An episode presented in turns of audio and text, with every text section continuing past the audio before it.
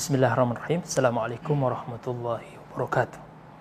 Alhamdulillahi wahdah wassalatu wassalamu ala man la nabiyya ba'da wala haula wala quwata illa billah amma ba'd.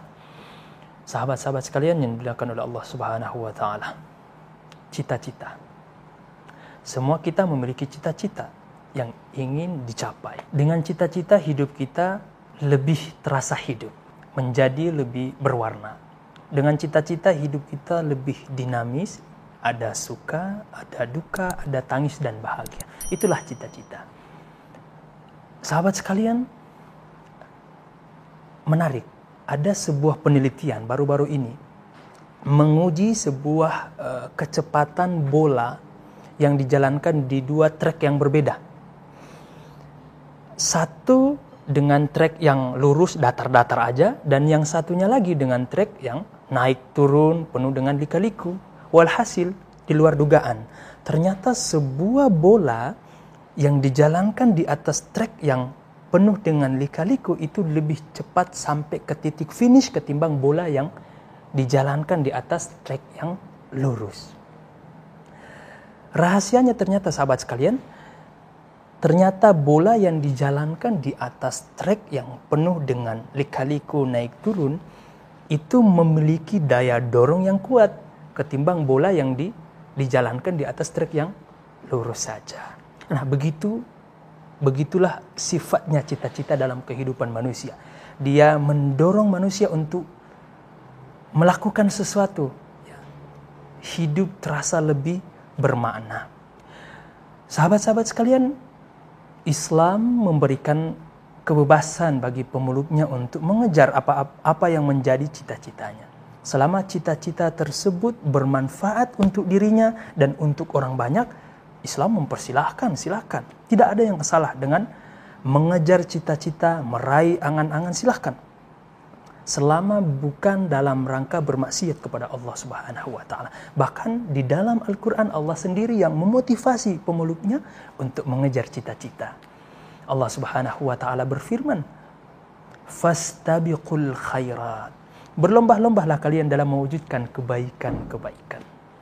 Bahkan baginda Rasul memotivasi kita untuk fokus dalam mengejar apa yang menjadi cita-cita kita selama cita-cita tersebut bermanfaat untuk kita. Rasulullah SAW pernah bersabda, "Al-mu'minul qawi khairun wa ahabbu ilallahi minal mu'mini dha'if. Ihris ala ma yanfa'uka wasta'in billah wa la ta'jiz. Kata Rasulullah sallallahu alaihi wasallam, mukmin yang kuat lebih baik dan lebih dicintai oleh Allah Subhanahu wa taala ketimbang seorang mukmin yang lemah. Bahkan kelanjutan hadis tersebut apa kata Rasulullah? Ihris ala ma yanfa'uka Kejarlah sesuatu yang menjadi cita-cita kita. Selama itu memberikan manfaat. Ihris alama yang fa'uka. Wasta'in billah. Dan setelah itu mintalah kekuatan kepada Allah. Wala ta'jiz. Dan jangan lemah. Sahabat-sahabat sekalian, dari ayat dan hadis di atas seolah ada isyarat dari Allah dan Rasulullah bahwa semua cita-cita kita akan terwujud selama kita sungguh-sungguh dalam mengejarnya. Namun justru kalau kita bandingkan dengan ayat dan hadis di atas, kemudian kita bandingkan dengan kehidupan real kita, kebanyakan yang mana? Yang terrealisasi atau malah justru yang tidak terrealisasi? Apa gerangan yang salah di sini? Nah, sahabat-sahabat sekalian, pertama ada yang patut untuk kita ketahui bahwa cita-cita itu berbeda dengan sekedar harapan dan angan-angan kosong. Kebanyakan yang tidak tercapai itu namanya harapan, khayalan, angan-angan kosong dan bukan cita-cita. Bagaimana pendapat para sahabat sekalian kepada seorang yang mungkin bercita-cita duniawi ya? Ya, taruhlah dia bercita-cita menjadi orang yang kaya, tetapi kesehariannya malah malas-malasan, tidur-tiduran, rebah-rebahan. Apakah masuk akal? Orang yang seperti ini akan mendapatkan apa yang dia cita-citakan. Ya kita katakan mustahil. Itu bukan cita-cita, tapi itu adalah khayalan be belaka. Jika melihat ayat dan hadis di atas, kita akan mengerti bahwa di dalam cita-cita itu ada aksi Cita-cita disebut sebagai cita-cita ketika dia menggerakkan orangnya ya untuk melakukan aksi sebagai proses dia untuk mengejar cita-cita atau harapan yang dia inginkan. Maka jangan pernah kemudian menyalahkan Allah. Kalau selama ini yang kita cita-citakan, yang kita harapkan kemudian tidak pernah diwujudkan oleh Allah, lah kita sendiri tidak faham apa itu cita-cita dan apa itu harapan belaka. Kedua teman-teman sekalian, supaya cita-cita kita bisa terwujudkan, maka perjelaslah apa yang kita cita-citakan. Cita-cita yang tidak jelas, maka kebanyakan ini tidak akan terrealisasikan tidak akan diwujudkan oleh Allah Subhanahu wa taala. Ibarat seperti seorang istri, sahabat sekalian. Seorang istri ya biasanya kan kebanyakan para wanita ini kalau pengen sesuatu kepada suaminya atau menginginkan sesuatu dari suaminya, dia pasti menggunakan bahasa wanita. Ya, tidak mengungkapkan secara langsung, malah justru ngambek-ngambekan, diam-diaman. Nah, sekarang jadi pertanyaan, apakah harapan atau cita-cita sang istri bisa dipenuhi oleh sang suami, lah kita nggak tahu apa yang diminta sang istri, bagaimana akan ter terwujud. Begitu juga dengan cita-cita kita, maka perjelaslah cita-cita kita. Bukan Allah tidak mengetahui cita-cita kita, bukan. Allah itu maha mengetahui. Bahkan seluruh yang ada di alam semesta ini Allah tahu. Bahkan jangankan seluruh alam semesta yang ada di dalam hati kita, Allah tahu. Allah tahu apa yang ada di dalam hati kita. Akan tetapi kebanyakan kita manusia itu tidak siap dengan konsekuensi di balik cita-cita yang kita harapkan. Sehingga membuat ini menjadi tidak jelas cita-cita yang kita kejar. Lagi musim panas mengeluh, pengen turun hujan. Pas giliran Allah berikan hujan, malah justru mengeluh, kedinginan, kebanjiran. Nah ini kan membuat kita, cita-cita kita itu tidak jelas. Kita tidak siap dengan konsekuensi yang kita inginkan dan begitu seterusnya. Maka wajar teman-teman sekalian, kemudian Allah tidak mewujudkan apa yang kita inginkan. Gimana mau diwujudkan oleh Allah Subhanahu wa taala cita-cita yang begitu abstrak dan tidak jelas? Maka jika kita ingin bercita-cita, kita ingin harapan kita diwujudkan oleh Allah Subhanahu wa taala, perjelaslah cita-cita kita dan siaplah dengan segala resiko, konsekuensi di balik cita-cita tersebut. Ketika konsekuensinya kemudian berupa kenikmatan, kita syukuri. Ketika konsekuensi atau resikonya ternyata berupa ujian, maka kita bersabar.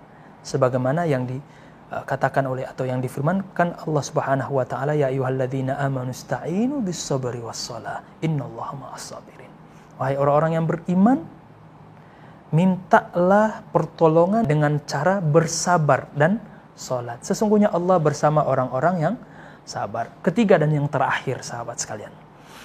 Agar cita-cita kita diwujudkan oleh Allah Subhanahu wa taala, hendaknya cita-cita kita tidak bertentangan dengan syariat. Rumus supaya cita-cita kita dan harapan kita dimudahkan oleh Allah Subhanahu wa taala, jangan bercita-cita untuk bermaksiat kepada Allah Subhanahu wa taala. Sahabat-sahabat sekalian, itulah kurang lebih gambaran dari proses kita mengejar cita-cita. Tapi yang menjadi paling penting di sini sahabat sekalian, kita ini hidup di dunia paling lama berapa sih? 60, 70 tahun. Setelah itu apa? Setelah itu kita akan mati, setelah itu kita akan wafat dan kita akan menghadapi satu kehidupan yang lebih lama dan bahkan lebih kekal daripada kehidupan dunia. Maka sahabat-sahabat sekalian, jangan melulu kita bercita-cita tentang duniawi belaka. Ya, tapi sekali-sekalilah kemudian kita bercita-cita dengan cita-cita akhirat. Itu bercita-citalah agar Allah Subhanahu wa taala memasukkan kita ke dalam surganya Allah Subhanahu wa taala. Bercita-cita dengan cita-cita ukhrawi. Jangan melulu dengan dunia. Karena sahabat sekalian kehidupan dunia ini adalah kehidupan yang sementara. Kehidupan akhiratlah adalah kehidupan yang abadi. Maka bercita-citalah dengan kehidupan yang abadi. Cita-cita yang dapat bermanfaat, yang dapat menolong kita di hari akhirat kelak. Maka sahabat-sahabat sekalian, orang yang harapannya, cita-citanya hanya dunia, dunia, dan dunia, maka siap-siap kata Rasulullah wasallam Allah akan menjadikan kemiskinan di depan matanya. Bahkan walaupun secara lahiriah dia sudah bergelimang harta, tetapi tidak ada kepuasan di dalam hatinya. Dan itulah inti dari kemiskinan. Walau dia secara lahiriah mungkin punya harta, punya jabatan, tetapi ketika dia cita-citanya hanya dunia, dunia dan dunia, maka dunia tidak akan habis. Kalau kita punya mobil, maka ada orang yang punya mobil lebih dari kita, lebih bagus dari kita. Itulah ketika cita-cita kita hanya motivasinya hanya dunia, maka Allah akan jadikan kemiskinan di depan mata kita. Maka landasilah cita-cita kita dengan motivasi akhirat. Maka insya Allah cita-cita yang dilandasi dengan motivasi akhirat akan dimudahkan oleh Allah Subhanahu wa taala dan inilah cita-cita yang akan menyelamatkan kita di dunia dan di akhirat ya di dunia kehidupan yang sementara juga nanti di kehidupan yang kekal abadi. Ini dulu yang bisa kita sampaikan. Mudah-mudahan bermanfaat untuk kita semua. Billahi taufiq wal hidayah. Assalamualaikum warahmatullahi wabarakatuh.